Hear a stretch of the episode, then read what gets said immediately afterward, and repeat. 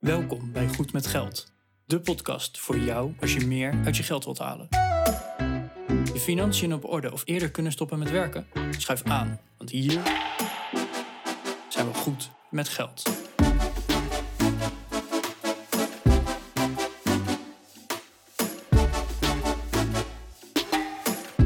aflevering 195 van de Goed met Geld podcast.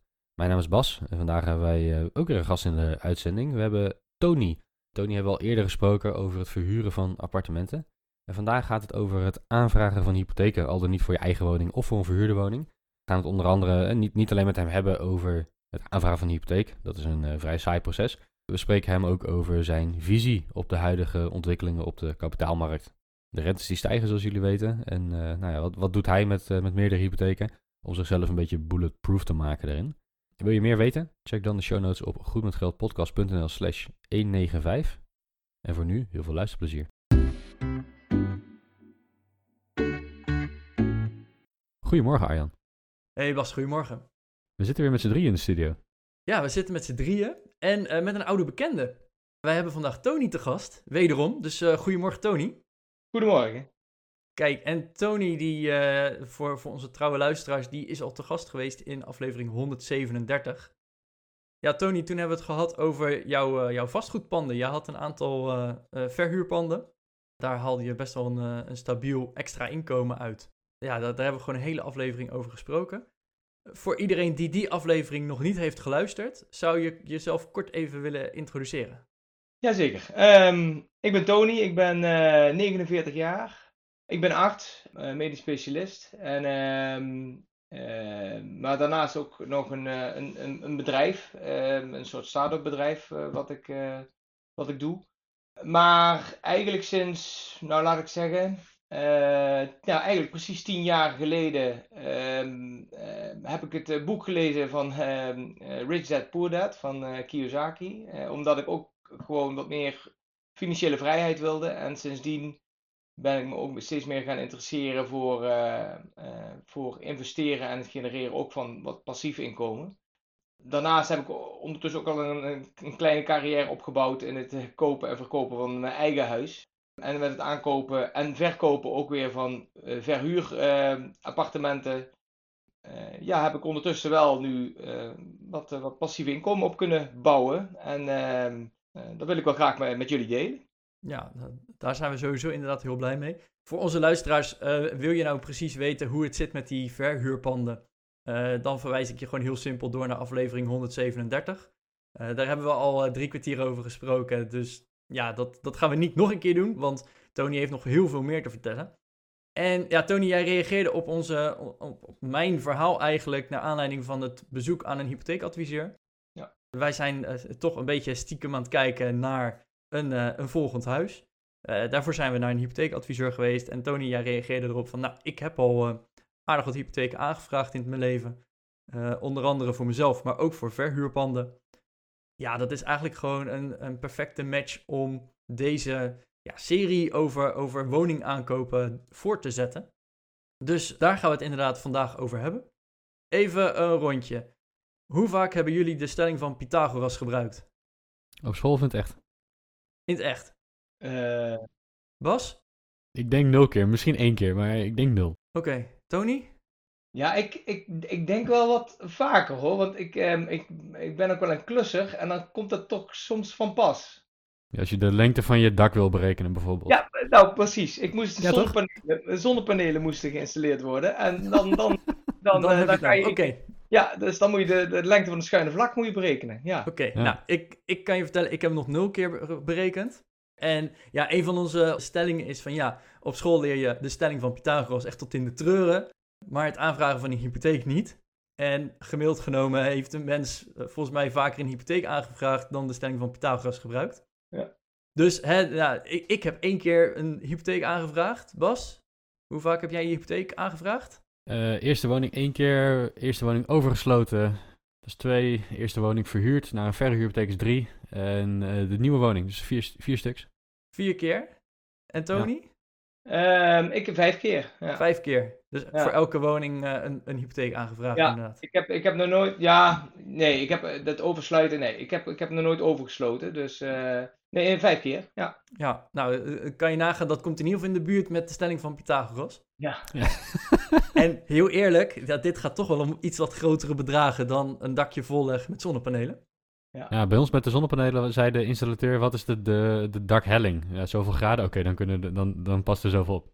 Ja, nou, het, het was, het moet eerlijk bekennen, het was niet voor zonnepanelen. Het was, ik woon in Nijmegen en in Nijmegen kreeg je subsidie op het eh, afvoeren van je regenwater eh, naar je eigen tuin. En Mhm. eh, dat was afhankelijk van het aantal eh, vierkante meter eh, dak wat je. Wat je Ah, ja. ja. Hmm. Dan heb je, maar heb je ook die lengte nodig, ja. Nee, dus de, de- dan heb je de lengte van de schuine helling nodig, ja. Dus eh, van, Ja. vandaar. Dat Grappig. was de laatste keer, ja. ja. Hij komt in het wild toch nog voor, ja. Ja. Dus, Oké, nou, eh, Ba- ja, Bas als expert. Eh, wat is een beetje het proces van een hypotheek aanvragen? ik weet niet of ik expert ben, maar ik heb het... Ik, ik, ik denk van ons drie het kortst geleden gedaan. Eh, Zo'n, zo'n, eh, wat is het, anderhalf jaar terug, toen we dit huis kochten. Wat is het proces? Je gaat naar een tussenpersoon of naar een bank en je zegt, joh, ik wil geld lenen. En dan zegt de bank, nou, waarvoor dan? Nou, voor een pand. Nou, wat is het dan waard? Dan moet er getaxeerd worden. En dan gaat er vervolgens gekeken worden naar, heb je wel het inkomen om, eh, om de hypotheek te kunnen betalen? Onderweg moet je nog wat smaakjes kiezen, hè, wat voor hypotheek je wil en hoeveel leningdelen en wat voor type en rentevast eh, en dat, dat soort zaken. En als uiteindelijk blijkt dat al je documentatie in orde is, ga jij een offerte van de bank krijgen. Die heeft een geldigheid, eh, die teken je, dan zet je er een soort van aan vast. En op een gegeven moment ga je met die offerte naar de notaris en wordt de lening verstrekt, als het ware. Dat loopt via de notaris. Het is niet dat je het geld op je bankrekening bijgestort krijgt. En de notaris zorgt er uiteindelijk voor dat het geld naar de, nou, ofwel naar de verkopende partij gaat of naar de bank waar jouw oude hypotheek loopt als je een oversluiting eh, doet. Ja, en wat dan even belangrijk is inderdaad bij een hypotheek, daar, eh, dat is een type lening waar ook daadwerkelijk een onderpand tegenover staat. Dat maakt een hypotheek over het algemeen een stuk goedkoper dan een andere lening. Eh, want op het moment dat jij inderdaad stopt met betalen of gewoon geen zin meer hebt of weet ik het wat, dan heeft de bank nog de zekerheid om gebruik te kunnen maken van het onderpand. Wat je dan vaak ziet is inderdaad dat het onderpand verkocht wordt op een veiling of eh, op de openbare markt, net wat voor de bank eh, het meest gunstig uitpakt. Ook in tijd. Het hoeft niet per se het meeste geld op te leveren, maar ook hè, dat een bank zegt: Ik wil zo snel mogelijk dat geld hebben. Dan, eh, dan kan dat ook. Ehm, dus hè, dat is echt een, een voorwaarde van de hypotheek. Ja, en, en daar zitten altijd inderdaad voorwaarden aan. Aan de hypotheek zelf ook. Nou, Bas, jij noemde al inderdaad al van: hé, je krijgt een offerte. Daar zitten ook alweer voorwaarden in. Dus hè, hoe lang is zo'n offerte geldig bijvoorbeeld? Maar ook welk rentepercentage ga je betalen? Wat als in de tussentijd, hè, want er zit altijd een periode tussen de offerte en het tekenen bij de notaris. Wat als de rente tussentijds daalt? Want hè, de, de offerte, als die rente stijgt, ja, je hebt de offerte voor, ik noem maar even, op dit moment is het 3,5% geloof ik, zoiets. Dan heb je die offerte voor 3,5%. Maar wat nou als eh, alles opeens koekenij is en de rente gaat terug naar 2%? Wat gebeurt er dan mee? Eh, Bas en ik hebben allebei de ervaring eh, dat de rente naar beneden bijgesteld wordt, maar het staat in de voorwaarden van zo'n offerte. Ja, en dan heb je dus ook nog eens je, je voorwaarden van, oké, mag je dan de woning bijvoorbeeld verhuren? En eh, Tony, ja, daar kom jij ook zeker bij om de hoek kijken. Ja. Jij hebt dus inderdaad nog verschillende typen hypotheek afgesloten op die manier. Ja, stel dat het om je eigen huis gaat. Hè. Stel je gaat voor een paar jaar naar buitenland en je wil je eigen huis gaan verhuren. Dan mag jij niet zomaar je huis te huur zetten. Eh, je mag zelfs eh, ook bijvoorbeeld niet via Airbnb. Er zijn echt hele strikte regels voor. Als de bank erachter komt dat jij je huis verhuurt, dan kan het zomaar zo eh, zijn dat er in één keer een envelop op je deurmat ploft en zegt van je hebt onrechtmatig je huis verhuurd, terwijl je een hypotheek bij ons hebt. Dat, dat was niet de afspraak. Volgende week moet het, moet het bedrag teruggestort zijn.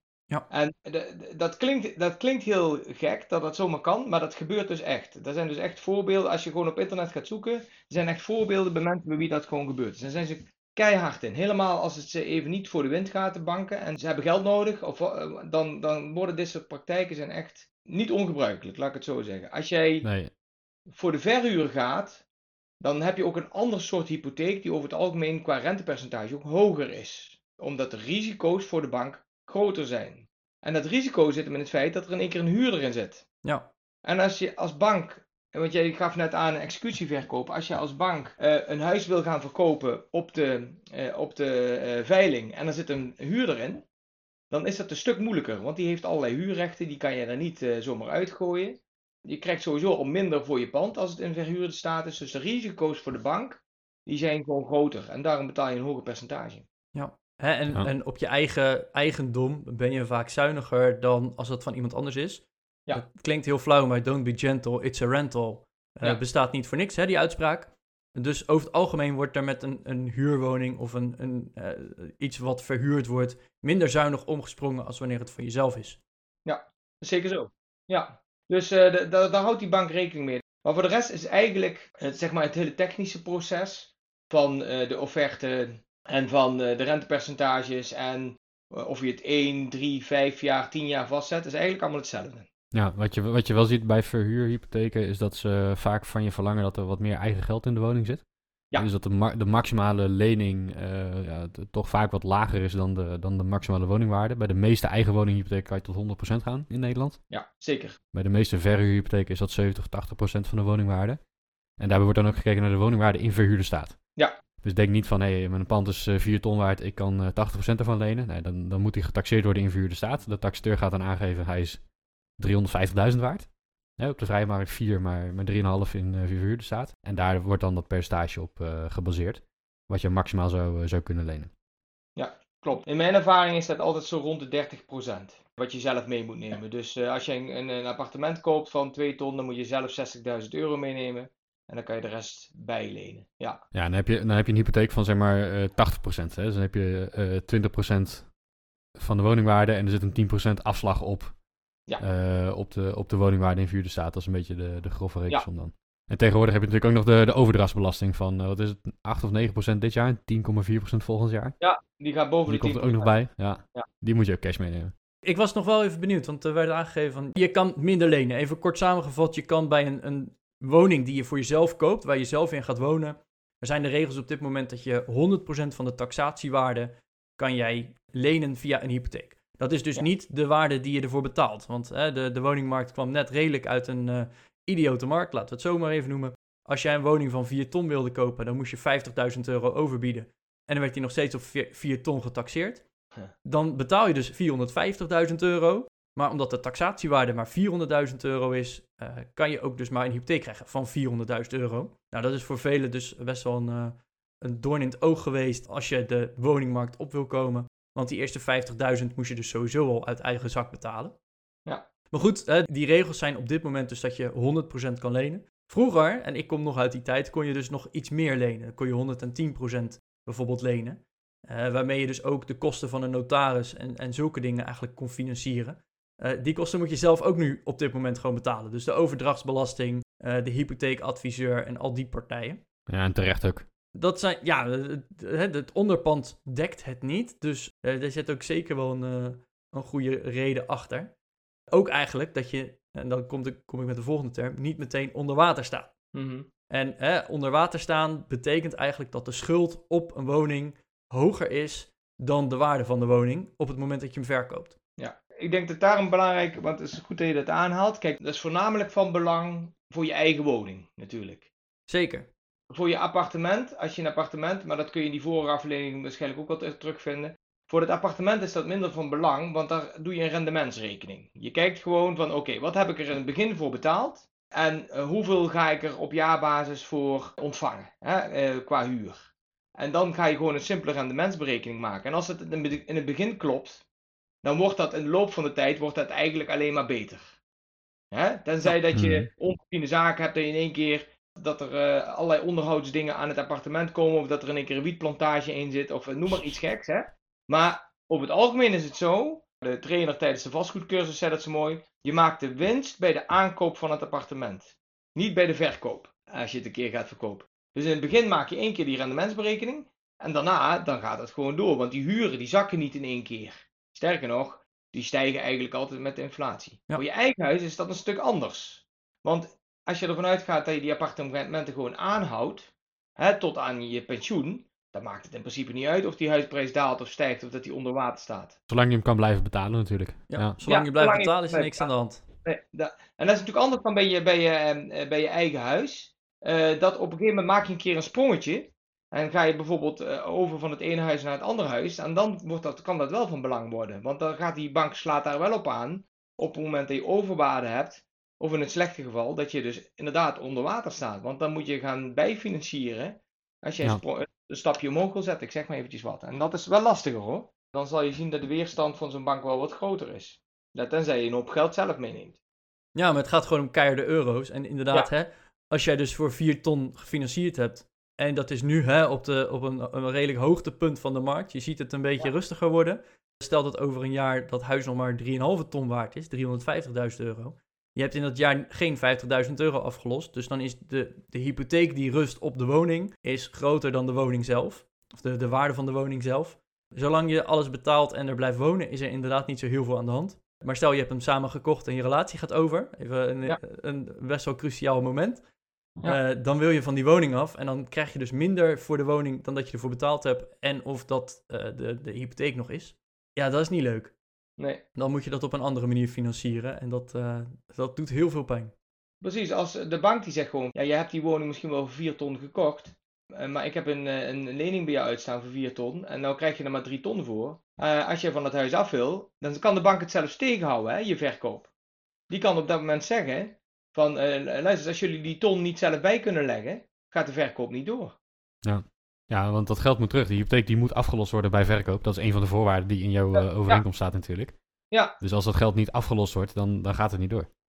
En dan, dan ben ik toch een beetje, eh, ja, de, de, de, al een beetje van de oudere generatie. Dat was tien jaar geleden, was dat schering en inslag. Hè, Dat, dat, dat, Hmm. dat was er het programma uitstel van executie. Ja. Omdat gewoon mensen twee huizen hadden. Daar kan je nou niks meer bij voorstellen, want nu koopt iedereen een huis voordat ze zijn eigen huis verkopen. Ja.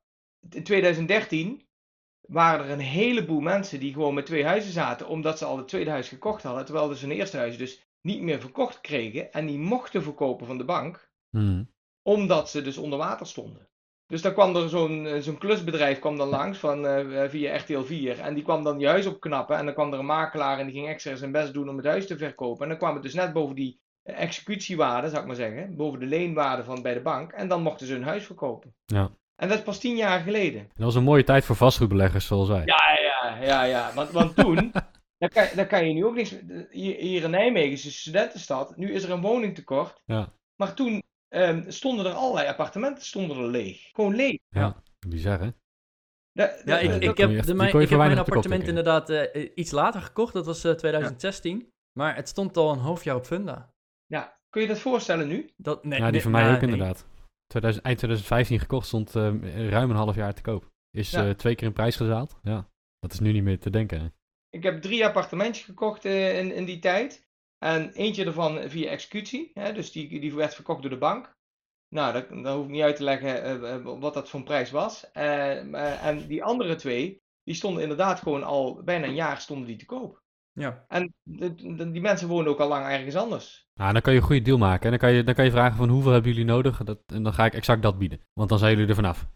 Ja, je kan via het kadaster kon je gewoon precies opvragen wat, het, wat de hypotheekschuld was. Dus Ja. dan kon ik wel kijken van, ehm, kijk, als de hypotheek een ton is, dan kan ik wel 80.000 euro bieden. Maar dat mogen ze waarschijnlijk niet eens, tenzij dat ze die 20.000 bij kunnen leggen. Ja. En die mensen die dan in zo'n appartement wonen, ja, die hebben over het algemeen niet 20.000 euro op de planken liggen. Het is niet voor niks dat ze eruit moesten, laat maar zeggen. Ja, dat, dat, dat ook vaak. Dus het is, eh, je kon dus dan via het kadaster kon je kijken, oké, wat is de hypotheekschuld? En dan moet je dan ook daar niet onder gaan zitten, want dat is zinloos. Want dat, dat kunnen die Hmm. mensen niet eens en dat wordt niet eens toegestaan door de bank. Nee, en aan de andere kant, hè, je kunt natuurlijk als je op- dat je zegt van joh, ik, eh, ik koop hem dan voor de waarde die nog, eh, voor de lening die nog open staat. Ik hoor nu al een, eh, een paar luisteraars in mijn achterhoofd die zeggen, joh, dat is misbruik maken van de situatie. Ja goed, aan de andere kant, je helpt die mensen uit de brand. Zolang ze het niet verkopen, zitten ze met dubbele woonlasten. En, en daar een hoop gedoe van. Ja. Eh, en in die, in die tijd was je blij als er een belegger was die, die je huis van jou wilde overnemen. Ja, dat is, dat is goed dat je dat zegt, Bas. Want eh, ehm, die, die mensen waren er gewoon echt. bl- eh, kijk, tuurlijk, het is, het is een kwestie van bieden en, en, en, en, en, en accepteren van een bod. Maar voor mij was het meer het referentiekader eh, van: oké, wat, wat zijn de marges waarbinnen je het spel aan kan gaan? En ik zeg niet dat ik Hmm. altijd op, die, op, die, op, de laagste bod ging zitten. Maar het gaat er mij meer om van, ja, wat, wat, wat is het kader? Ik zeg maar even wat, zij vragen 150.000 euro. Maar is het nou omdat ze dat er graag voor willen hebben? Of is dat het minimale wat ze moeten hebben omdat anders de bank niet akkoord gaat? Dat wil ik Ja. dan weten. Want, eh, Ja. en, want anders heb je gewoon een ongelijke discussie. Ja. Dus het is meer vanuit die eh, context. En, Hmm. eh, maar het- meer als voorbeeld dat dat, dat dat nog maar tien jaar geleden is. En dat dat daarna ook heel gebruikelijk was om eerst je huis te verkopen voordat je een nieuwe kocht. Nou, daar kan je je nou helemaal niks meer bij voorstellen, want dan ben je bang Het dat je begint nu een beetje om te draaien. Ja, het begint Ik, een beetje ik zie hier in de buurt ook huizen te koop staan die heel lang te koop blijven staan nu. Ja. Dus ik kan me voorstellen dat mensen weer wat zenuwachtiger gaan worden. Waar ik eh, wel benieuwd naar ben, Tony. Want hè, als je voor een, een privé, voor jezelf een, een woning koopt en eh, de financiering regelt, dus die hypotheek regelt, dan eh, doe je een bod. En dat kan bijvoorbeeld onder voorwaarden van financiering zijn. Eh, en dan heb je over het algemeen een, een week of zes, zeven Ja. om die financiering te regelen. Als je de voorwaarden schept hè, onder voorbehoud van financiering, als je financiering niet rondkrijgt, dan mag je de koop ontbinden. En dan heb je dus die, die zes weken. Ja. Maar dan weet je, of tenminste, hè, ik als particulier weet gewoon van: oké, ik ben al een keer bij een hypotheekadviseur geweest. Ik weet ongeveer hoeveel spaargeld ik heb, maar ook hoeveel hypotheek ik kan krijgen op basis van mijn salaris. En hè, dat, dat hebben we in de vorige aflevering helemaal besproken. Maar hoe doe je dat dan voor zo'n zo'n verhuurhypotheek? Eh, Ja. Ben je dan vooraf ook al bij zo'n adviseur geweest? Hoe kan je daar wat over vertellen? Nou, kijk, eh, vooral die eerste keer is het gewoon nog even een beetje zoeken. Maar wat ik in die vorige aflevering ook zei, ik heb zo'n vastgoed- vastgoedcursus gedaan. En toen werd ook gestimuleerd om gewoon een PowerPoint te maken. Je gaat gewoon een PowerPoint maken en je gaat je business case ga je uitleggen. Ehm, dus je gaat uitleggen waarom dat jij het een goed idee vindt om eh, dit appartement, om daar een hypotheek voor te verschaffen. Dus je gaat naar de, naar de bank en die zegt dan van, eh, nou vertel eens, je wil een, een appartement kopen, je wil hiervoor een hypotheek. Wat is het voor een appartement? En dan liet ik gewoon een plattegrond liet ik zien. Van nou, hier, dit, zijn, dit, dit is de verhuurstaat in, in deze wijk. Je kon op Funda zien dat er geen aanbod was van huurwoningen. Dit is de gemiddelde huurprijs die er op dit moment gevraagd wordt voor een, voor een appartement. En dan maak je een soort van business case. Ja, En daarmee creëer je vertrouwen bij die bank. Want dat is ongelooflijk belangrijk. De- nog meer dan bij een woninghypotheek. Weer omdat het risico voor een woninghypotheek minder groot is dan voor een verhuurappartement. Ja. Dus ik, ik ga langzaam zeker die hypotheekverstrekker, die gaat afvinken. En eh, die gaat gewoon eh, laten zien, je gaat hem eigenlijk laten zien van, eh, je bent gewoon een hele betrouwbare partij hè, om zo'n eh, appartement te financieren. En dat is veel meer, merk ik, dan bij een woning. Hoe lang is dat geleden dat jij door dat proces heen bent gegaan? Met die verhuurhypotheken? Nou, ik, ik, ik ben er recent nog een keertje doorheen gegaan, omdat ik weer een interessant pand gevonden had. Mhm. En toen ben ik er weer eh, doorheen gegaan. Want ik, ik bereid dat wel voor. Als ik op een gegeven moment het gevoel heb, als ik de eerste bezichtiging heb gehad. Of als ik het gevoel heb van, nou, dit is gewoon een goed appartement. Ik ken het complex, dat soort dingen. Mhm. Dan doe ik dat voorwerk doe ik dan eigenlijk al. Zodat ik goed beslagen het ijs kom. Dat ik eigenlijk al weet Ja. Ja. dat ik die voorbouw van financiering misschien niet eens nodig heb. Oh ja. Ja. ja. Ja, omdat je eigenlijk al weet dat het goed gaat komen. Dat het goed gaat komen. En dan is het ook geen verrassing voor die bank, of waar je dan ook terecht eh, komt. Mhm. dat, dat jij uiteindelijk terugkomt en zegt van ja, ik, eh, ik heb eh, het koopcontract getekend, er staat nog wel een voorbouw van financiering in. Eh, maar dan is het ook snel geregeld. De- dan, hè, dus ik maak die business case in een PowerPoint. Ik laat het appartement zien, ik laat de staat zien, ik laat de wijk zien. Ik laat zien, ik zeg maar wat, dat het dicht bij een station zit. Waarom? Dat het geen risico is voor die bank. ja. Nou ja. Alles valt of staat met het risico. Ja. En dat heb ik voor mijn eigen huis nog nooit gedaan. Nee, dan lever je een taxatierapport aan en van joh, ik ben gek genoeg om daar te willen wonen. Ja. Eh, Ja. En dat is Ja, goed genoeg.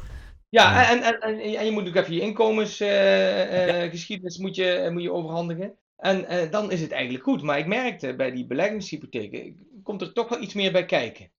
En ehm, het is dus ook belangrijk dat je een rendementsberekening eh, laat zien. Het is niet, eigenlijk niet anders dan dat je een bedrijfsfinanciering gaat halen. Dat je naar de bank toe gaat en zegt van, ik wil een lening hebben, want ik, eh, ik maak koffiemachines, ik zeg maar wat.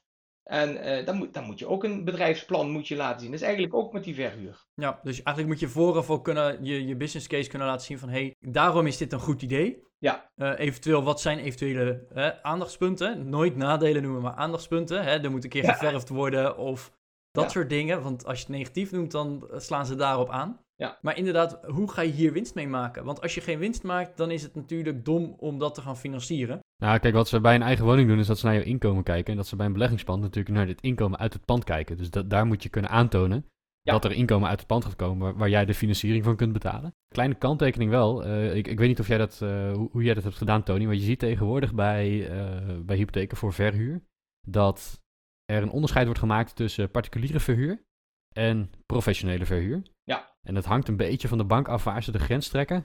Bij de meeste banken is het bij vier panden. Sommige is het drie, sommige vijf. Maar het, het kan dus zijn dat jij gewoon drie of vier panden mag financieren bij een bank onder particuliere voorwaarden. En dan krijg je vaak wel de renteopslag van de verhuurhypotheek. Hè, omdat zij eh, als bank zijn toch zien dat er wat meer risico is. Dus je gaat meer rente betalen. Maar de voorwaarden zijn eigenlijk verder gelijk eh, als bij een, eh, bij een gewone eigen woninghypotheek. Ja. Wordt dus hè, gekeken dat jij persoonlijk tekent, dat jij met jouw eigen inkomen garant staat voor, voor, de, voor de hypotheek. De, de voorwaarden die jij noemt, hè, de rendementsberekening en dergelijke, ging dat om professionele verhuurhypotheken of om, om particuliere? Nee, ik, ik, heb, ik heb tot nu toe alleen nog maar, ehm, ze zien mij als een kleine belegger, om het zo, heb ik alleen maar te maken gehad met particuliere verhuur. Dat heeft ook een, beetje, Ja. dat heeft ook een fiscaal karakter natuurlijk, hè. Eh, Je moet wel een beetje uit gaan kijken, eh, wa- wanneer de, eh, de fiscus het ook nog steeds ziet als een particuliere investering, zou ik maar zeggen. Ehm, want als jij ehm, op een gegeven moment tien panden hebt, dan, dan gaat de fiscus het zien als werk.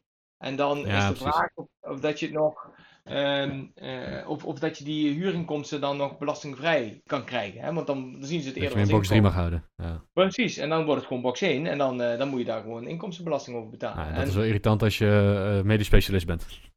Ja, nou, dat, dat, dat wil, wil je, dat wil je niet. Dus, eh, ehm, maar, ehm, eh, ja, dat- dus dat, dat zijn wel dingen die, die meespelen. Wat mij altijd opvalt, is dat nu hoor je ook allemaal radioreclames van Maandag en van RNAB en van NIBC. Mogelijk. En, eh, ja. Mo- Ja, precies. D- dat- dat We maken geen reclame hier overigens, hè, dus we noemen gewoon een rijtje met... eh, Ik noem, er- ja. ik noem er even een rijtje op. Maar dan herkennen de mensen, eh, als, je, als je niet in die wereld, dan herken je die reclames misschien ook niet. Maar het feit dat er nu reclame is voor vastgoedhypotheken, voor de verhuur en voor commerciële verhuur, dat zegt iets over de markt waar we in zitten. En ik zie daar een soort conjunctuur, zie ik daarin. In de tijd, tien jaar geleden, toen de appartementen, ehm, ehm, zeg maar, in, in rijtjes van tien te koop aangeboden werden, toen was het niet te doen, echt niet te doen, om een financiering voor te vinden. Dat was hartstikke moeilijk. En eh, dat had er weer te maken met risico, want iedereen zit dan in de teneur van de hele vastgoedmarkt ligt op zijn gat. En dan komt er Hmm. in één keer een klant die zegt van ik wil appartementen gaan kopen. En dan denkt die, dan denkt die bank ook in één keer van eh, is het nou wel verstandig? En op het moment dat de appartementen, net zoals nu, eh, sky high gaan, of de huizen in het algemeen, dan is het in één keer heel makkelijk om financiering te krijgen.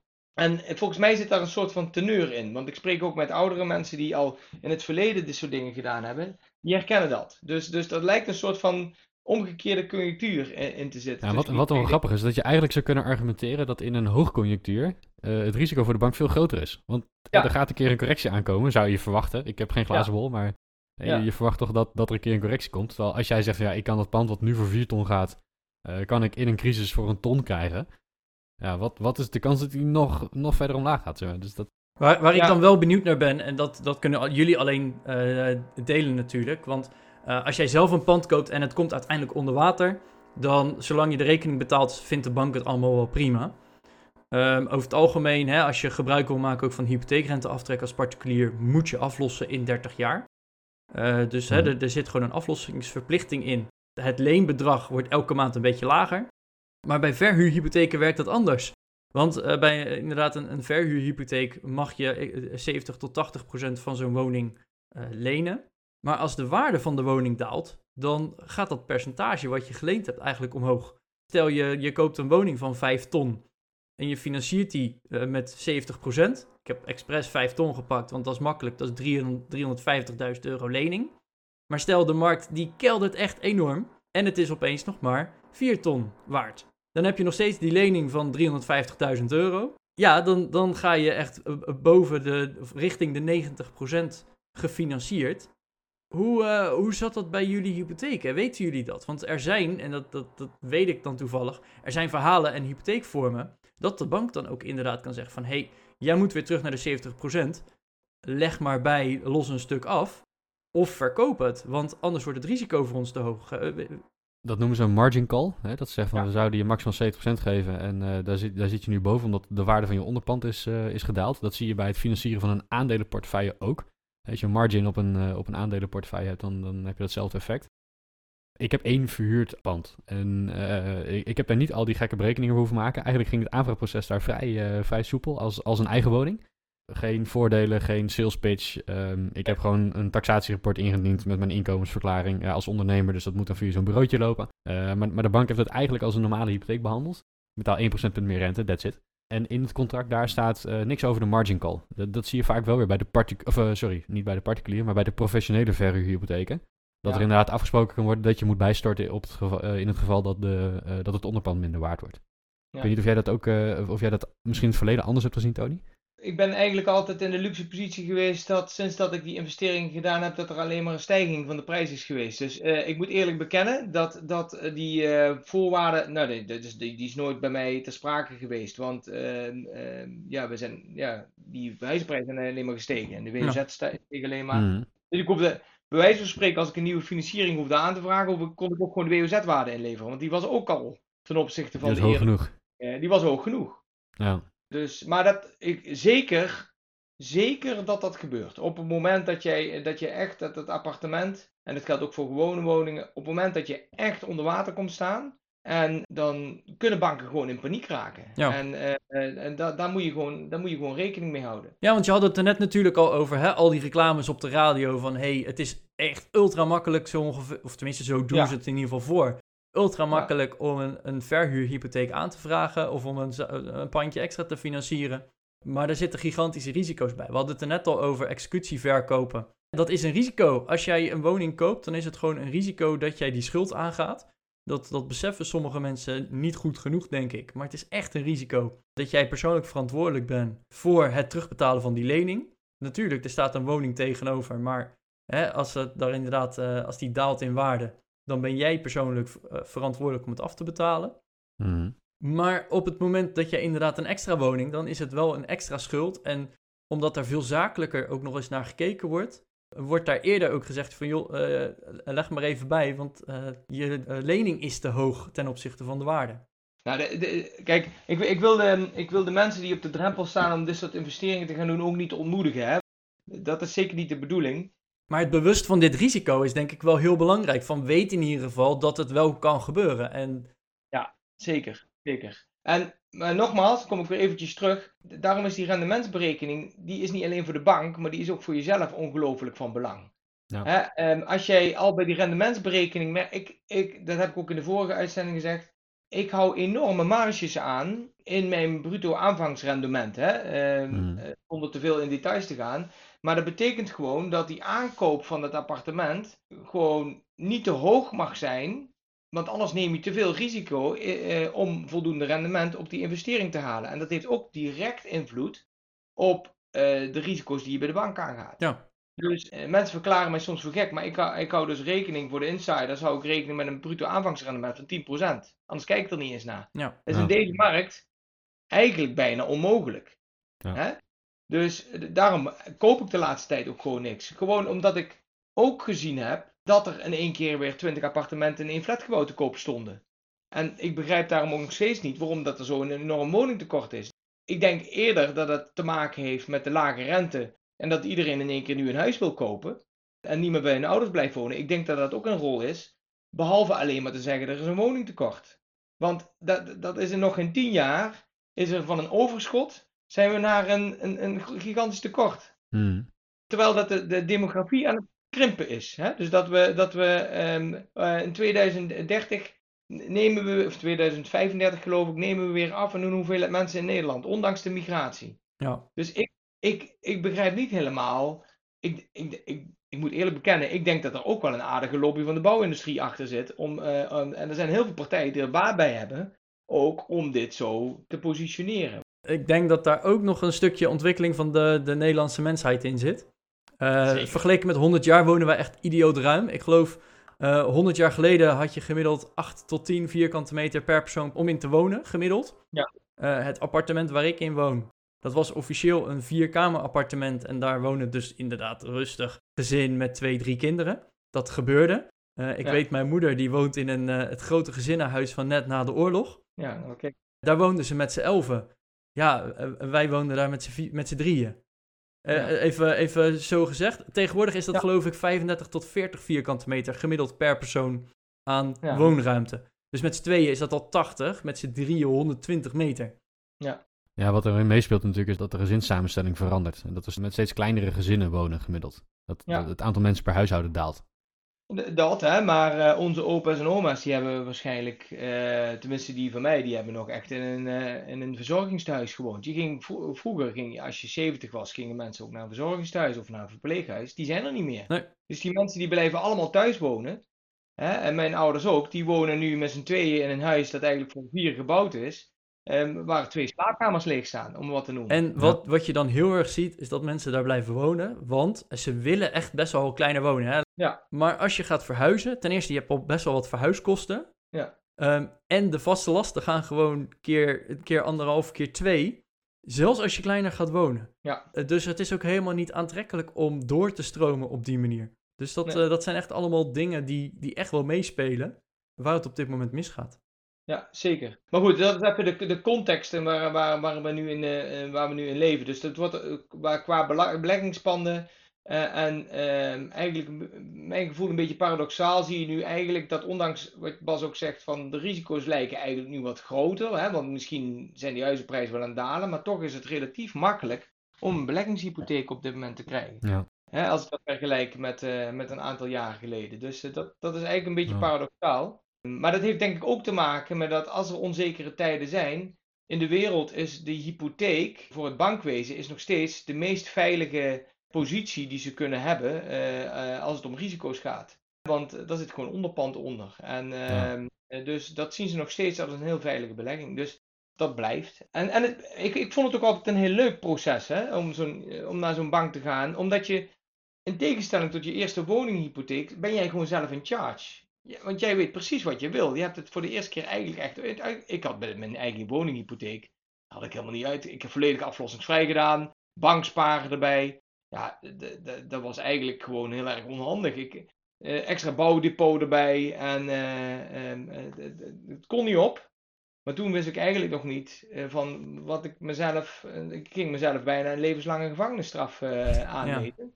Zo voelde ik dat echt hoor. En dat was ook de incentive om eens even na te gaan denken: oké, wat, wat moet ik nou precies gaan doen om te zorgen dat die lasten minder worden? Ja. En, en, en, en zo zijn we ook uiteindelijk in een kleiner huis terechtgekomen. Hebben we gezegd van we gaan in een kleiner huis wonen. Ben ik nu ook wel blij mee hoor, met de gasrekening. Zo, Ja, dat, dat, eh, dat is geloof ik meteen. Hey, Ja, precies. Voordat we onze aflevering gaan afsluiten, want eh, we, we gaan een beetje richting het einde. Eh, Ja. Voordat we echt gaan afsluiten, ben ik nog even benieuwd. Zijn jullie ook gaan shoppen voor een hypotheek? Want je hebt tegenwoordig, eh, weet ik het, hoeveel aanbieders. Ik geloof dat het lijstje al 20, 30 verschillende financieringsverstrekkers is. Ik weet in mijn geval was de, de offerte duur was heel erg belangrijk. Ik, eh, ik had acht maanden aan de toen huidige bewoners gegeven, want die hadden nog niks anders. Van joh, jullie hebben nog acht maanden, ik kan hem tot negen maanden verlengen, dus dat komt wel goed. Daardoor bleven maar twee banken over, geloof ik. Ja. Nou, dat was mijn eigen bank en nog een andere bank. Nou, jouw eigen bank die geeft vaak nog hè, eh, klantkorting, dus ik kreeg al 0,2% korting op de hypotheekrente toen. Eh, omdat ik daar al klant was of daar een betaalrekening had. Ja, dan kies je toch voor de goedkoopste uiteindelijk. Maar als je een verhuurhypotheek gaat doen, dan heb je nog veel meer, of misschien wel minder aanbod, omdat niet alle banken een, een verhuurhypotheek aanbieden. Hoe, is jullie shopproces daarin geweest? Ik, hecht heel veel waarde aan een, ehm, een vast contact. Ehm, eh, vooral als je richting beleggingen gaat, dan moet je soms ook gewoon snel kunnen schakelen. Ja. Dus ik heb een soort van relatie opgebouwd met een persoon, die bel ik dan op en dan, die ken ik goed en die kent mij goed en die weet ondertussen ook dat ik niet in zeven sloten tegelijk stap. Mhm. En dan, dan realiseer ik me echt wel dat ik misschien een paar eh, tiende van procenten meer ga betalen wellicht dan dat ik echt voor de bottom ga. Eh, maar dat neem ik op de koop toe. Hij, hij geeft ook gewoon een beetje zijn visie. Hè, van, eh, hij kijkt ook altijd eventjes mee. eh, en eh, kijkt vanuit het bankperspectief. Kijkt hij, dus het is een tussenpersoon ondertussen. Hij werkte eerst werkte hij voor een van de grootbanken. Hij is nu voor zichzelf begonnen. Dus ik ga niet shoppen. Nee, en misschien, hè, je betaalt dan misschien iets meer. Maar ondertussen weet jij van, oh, via die persoon, die kent mij, dat is makkelijker financiering regelen. Ja. Dus hoeft de, de voorbehoud van financiering er niet meer op, bijvoorbeeld. Ja. Waardoor je uiteindelijk je bod wel wint in plaats van niet meer wint. Ja, maar realiseer je ook goed, Arjan, ik, het is niet mijn baan. Hè? Dus ik, ehm, eh, het, het is ook niet zo dat ik eventjes eh, drie eh, hypotheekshops kan, kan opzoeken en even gaan. daar heb ik ook gewoon geen tijd voor. Dus ik, ik wil een betrouwbaar bes- persoon waarvan ik weet, nou, die, die, die, ja, die gaat me geen belachelijke offerte voorschotelen. dat gaat op basis van wederzijds vertrouwen. Dat scheelt me heel veel tijd. En nogmaals, ik stop het gewoon in die rendementsberekening. En als ik zeg van, als ik dan eruit zie komen van nou, als we bij deze percentage gaat rekenen, dan, uh, dan, dan komt het niet uit. En dan gaat hij nog even een keertje rekenen van oké, is dit dan misschien dat ik ergens anders dan toch nog wel iets anders kan regelen. Maar ja, dan, dan zegt hij ook meteen van ja, uh, Tony, ik weet, ik weet niet of dit nou een, uh, een goede investering is. Ja. Nou ja. ja dat, dat, dat weet ik dan op dat moment zelf natuurlijk ook al. Maar dan hoef ik ook niet verder te zoeken. Ja. En dan heb ik dat gewoon binnen één telefoontje is dat klaar. Of hij zegt van dan stuur eventjes de dingen op. En dan kijkt hij er even naar. En, uh, en ondertussen ja, weet hij ook een klein beetje hoe dat ik in de, in de, in de markt zit. En, uh, uh, dus dat is heel fijn hoor. Ja. Dat is wel, als je, als je daar een soort van andere carrière in op wil bouwen, is zo'n vast persoon wel heel prettig. Ja, dat kan ik me voorstellen. bij mij is het, ik, ik ben wel echt voor de goedkoopste gegaan, maar wel via een tussenpersoon. Ja. Dus ik heb inderdaad wel bij, gewoon bij onze hypotheekadviseur die ook het, de, het woonhuis heeft gedaan, gevraagd van wil ik de financiering van het verhuurpand regelen. Die is toen gaan shoppen met, met de voorwaarden die er waren. Met de, met de waarde van het pand. De hoeveelheid financiering die ik daarop wilde hebben. het feit dat mijn inkomen uit een onderneming komt. Ja, dan blijven er een aantal banken over. Ja. En, uh, en da daar hij naar de voorwaarden gaan kijken. Naar de tarieven gaan kijken. Uh, en hebben we een keuze gemaakt. Ja, re realiseer je goed hè. Dat, dat, uh, dat heb ik in mijn omgeving ook wel gezien. Die zijn ook vaak voor de laagste rentes gegaan. Maar die zijn bijvoorbeeld in het verleden ook bij de DSB-bank bijvoorbeeld uitgekomen. Ja. Op een gegeven moment gaat die bank gewoon failliet. Hmm. En dan ben je aan de code overgeleverd. En dan ben je afhankelijk uh, van wie, wie jouw hypotheek overneemt. En dus ik ben eigenlijk, ik, ik wil gewoon een betrouwbare partner hebben. En dat, soort, dat gezeur wil ik eigenlijk gewoon helemaal niet hebben. Dus um, ik wil standaard procedures hebben. Want met die hypotheekrentes, dat is denk ik nog wel even een belangrijk punt. Die hypotheekrentes voor mijn investeringen, die zet ik vaak variabel. Of één jaar vast. En dat, dat klinkt in deze tijd misschien een beetje paradoxaal, hè, omdat je natuurlijk een stijgende uh, rente hebt. Ja. Voordeel is wel dat je veel flexibeler bent. Mocht je om privéredenen nou uh, in één keer uh, van, van het appartement af willen, dan kan je het altijd verkopen. Maar je bent eigenlijk veel flexibeler om sowieso om af te lossen, om een ander soort hypotheek. Je hebt elke jaar, ga je weer even in conclaaf met je bank.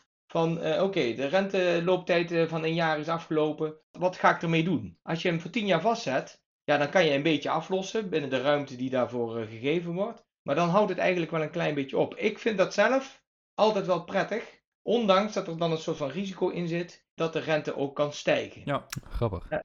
Uh, dat komt ook echt uit die vastgoedcursus. En dat neem ik ook mee in die rendementsberekening. Dus ik zeg, ik, ik bouw een marge in van, oké, okay, stel dat die rente, ik zeg maar van nu is die ik, denk, ik, denk voor appartementen zitten nu ergens tegen de 5 aan al hoor. Uh, Hmm. mm. Dan hou ik even rekening met 7% rente. Stel dat dat gebeurt. Ja, ja, ja. Is het dan nog betaalbaar? Levert het dan nog wat op? Ja, en wat je, wat je dan ook nog eens ziet, is dat uh, een, een 10 jaar vast, hè, dat, daar zit ook een stukje risicoopslag voor de bank bij. Dus ja. de 10 jaars rente is vaak iets hoger dan een, Ja. een variabele rente of voor één jaar vast. Ja. Dus zelfs als de rente een klein beetje stijgt, dan komt hij eerst pas op de grens dat wanneer je hem 10 jaar had vastgezet. Terwijl je hebt eerst Ja. al, weet ik veel, misschien wel twee jaar voordeel gehad van een lagere hypotheekrente. Dus het, Ja. er zit daar ook nog een, een schommeling in. Ja, ik, ik Ja. vind dat hele mooie inzichten, Tony. Thanks. Voordat we deze aflevering gaan afsluiten, ja, onze luisteraars die kennen ons natuurlijk en die weten, nu komen de vijf vragen. Maar ja, eh, Tony, hebben we deze vijf vragen al gesteld? Dus wil je de antwoorden van Tony horen? Check dan inderdaad vooral aflevering 137 even. Want ja, daar heeft hij ze gewoon al beantwoord. En daar gaan we dus ook verder in op de woningen die hij heeft eh, gehad. Is het ondertussen, geloof ik. Dus check vooral die aflevering. Maar eh, wij vinden het wel leuk om zo'n aflevering af te sluiten. Dus we gaan even wat, eh, ja, wat stellingenachtig eh, eh, langs rondom hypotheken. En ja, wij zijn gewoon heel benieuwd hoe jij daarnaar kijkt dan, eh, Tony. Dus ehm, laten we gewoon maar beginnen. Een hypotheek eh, versneld aflossen of helemaal niet extra aflossen? Versneld aflossen. En is dat dan voor zowel privé als eh, verhuur? In ieder geval privé.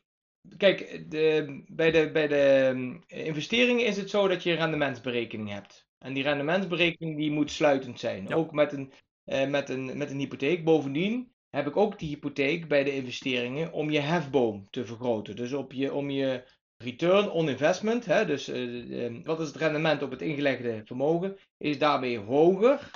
Dat is een ingewikkelde berekening, die zal ik jullie besparen, maar het is een hefboom.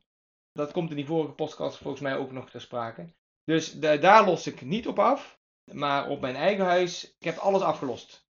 Dus ik heb uiteindelijk, ik had een paar appartementen eh, die ik verkocht heb. En, en dus toen heb ik meteen eigenlijk de overwaarde heb ik, eh, geïncasseerd. En daarmee heb ik zelf mijn huis afgelost. Had ook andere redenen.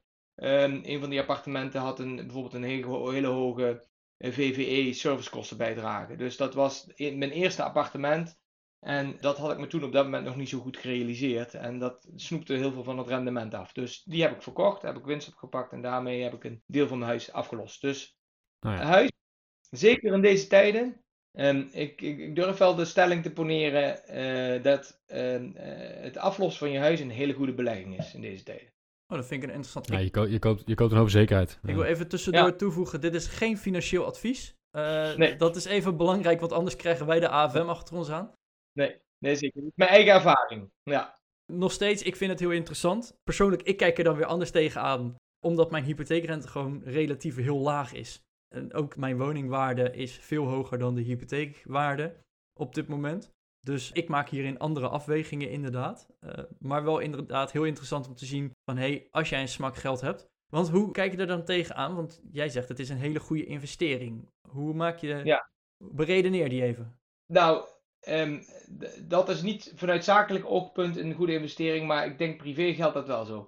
Op dit moment, als je je huis niet aflost, dan heb je zeg maar even gewoon vaste lasten vanwege eh, je hypotheekrente en de aflossing. Als je dat afgelost hebt, dan scheelt je dat gewoon netto, ik zeg maar even, een bedrag van 1000 euro in de maand. Dus als je die investering doet, heb je 1000 euro per maand extra te besteden. Mhm. Dat voel ik elke dag. Nu, op dit moment. Sinds dat ik dat gedaan heb.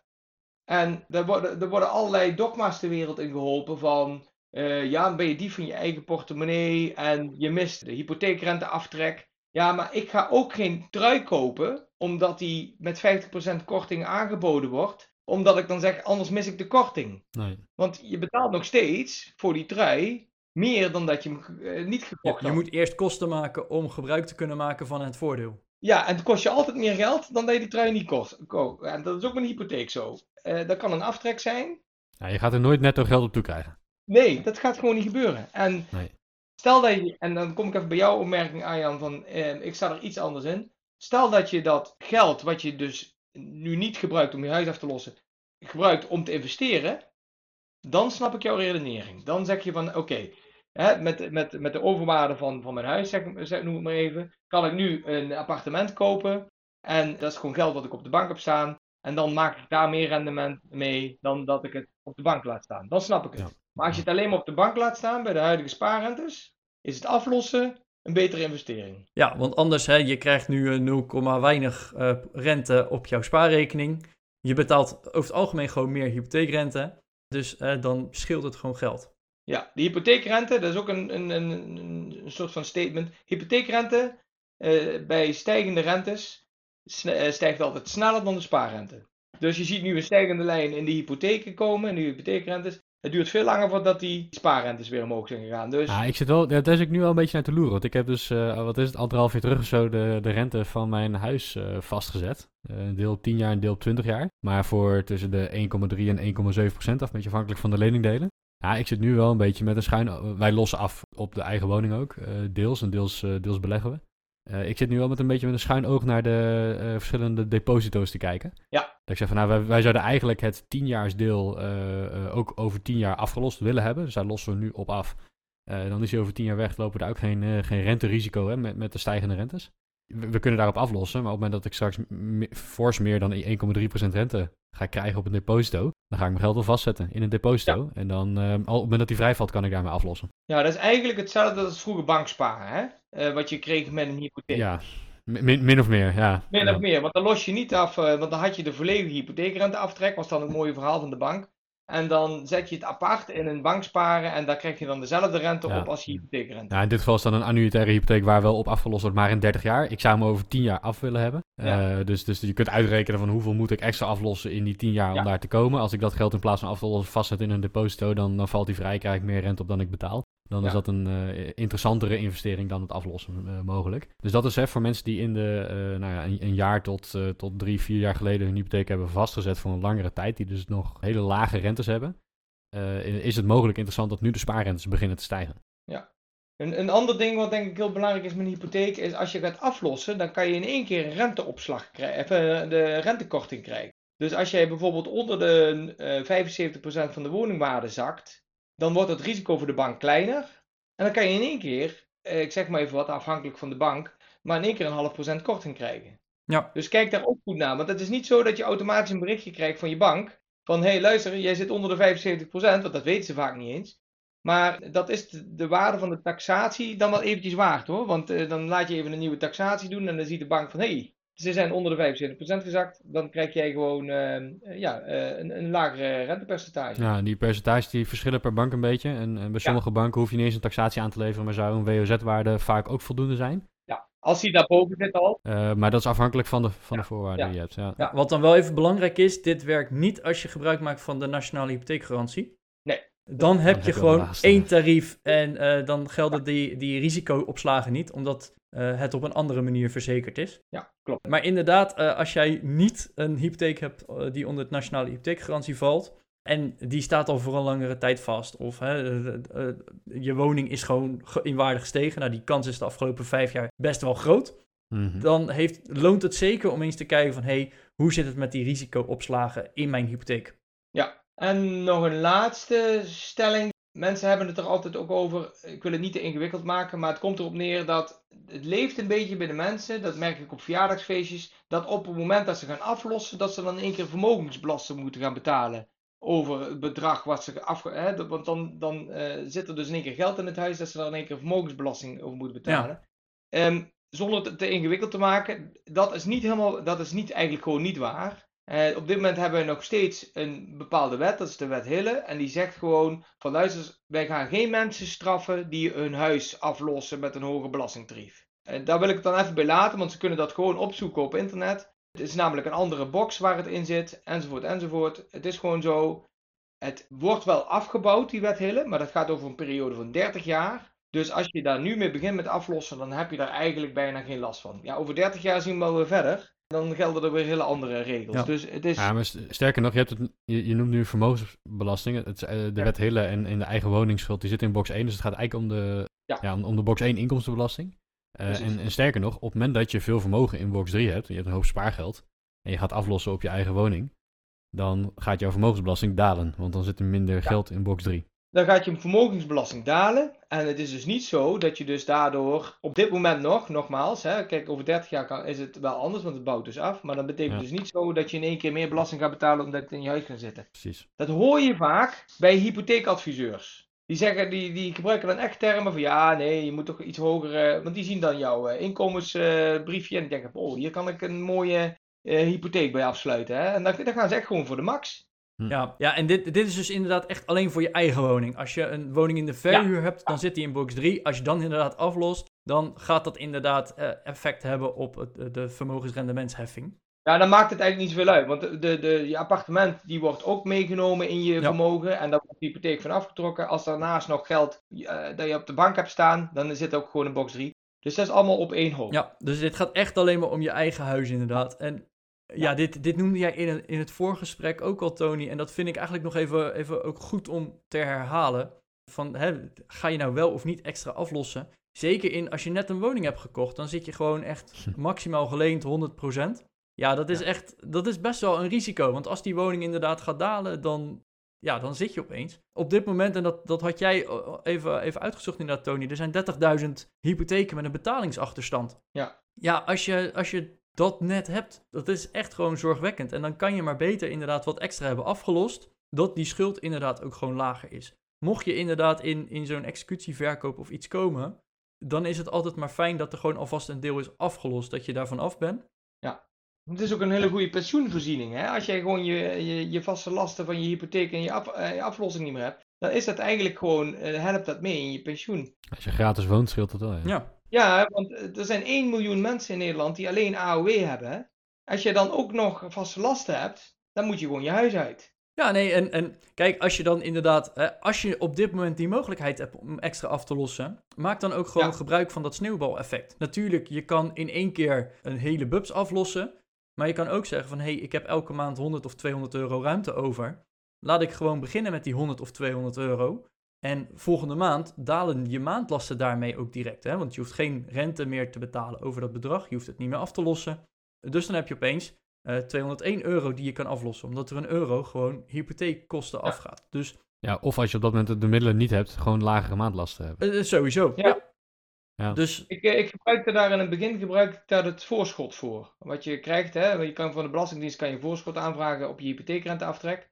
En eh, dat, dat bedrag, dat ging eigenlijk rechtstreeks naar de aflossing altijd. Ja. Dus dat, dat- daar, daar ging ik niet aan wennen.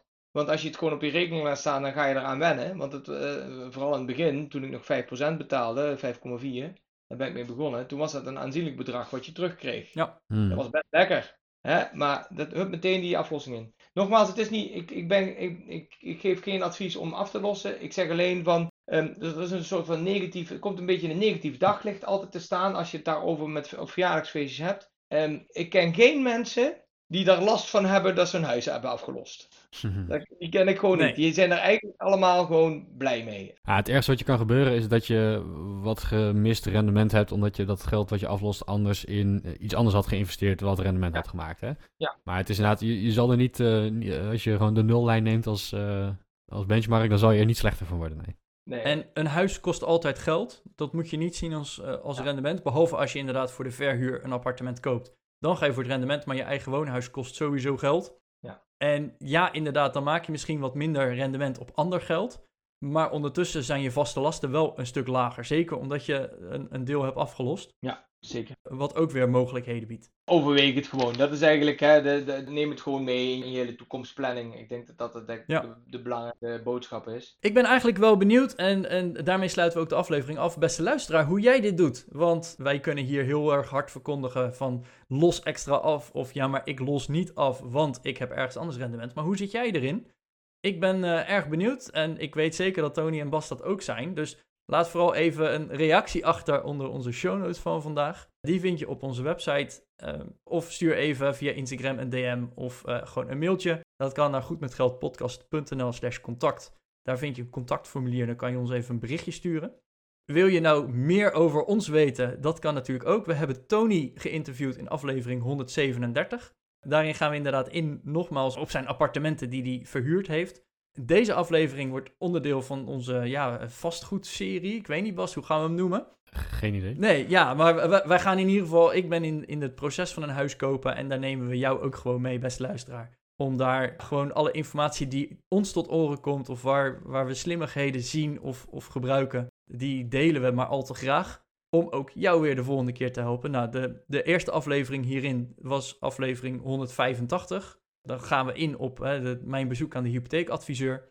En er gaan er nog meer volgen. Dus in de show notes van deze aflevering vind je natuurlijk ook gewoon even welke afleveringen nog meer daarvoor voor te vinden zijn. Tony, ja, voor jouw tijd willen we je heel erg bedanken voor je inputen en, eh, en alle updates. Graag gedaan. Was heel leuk. En eh, ja, beste luisteraar, eh, eh, wij zien reacties graag voorbij. En anders eh, tot volgende week. Tot volgende week.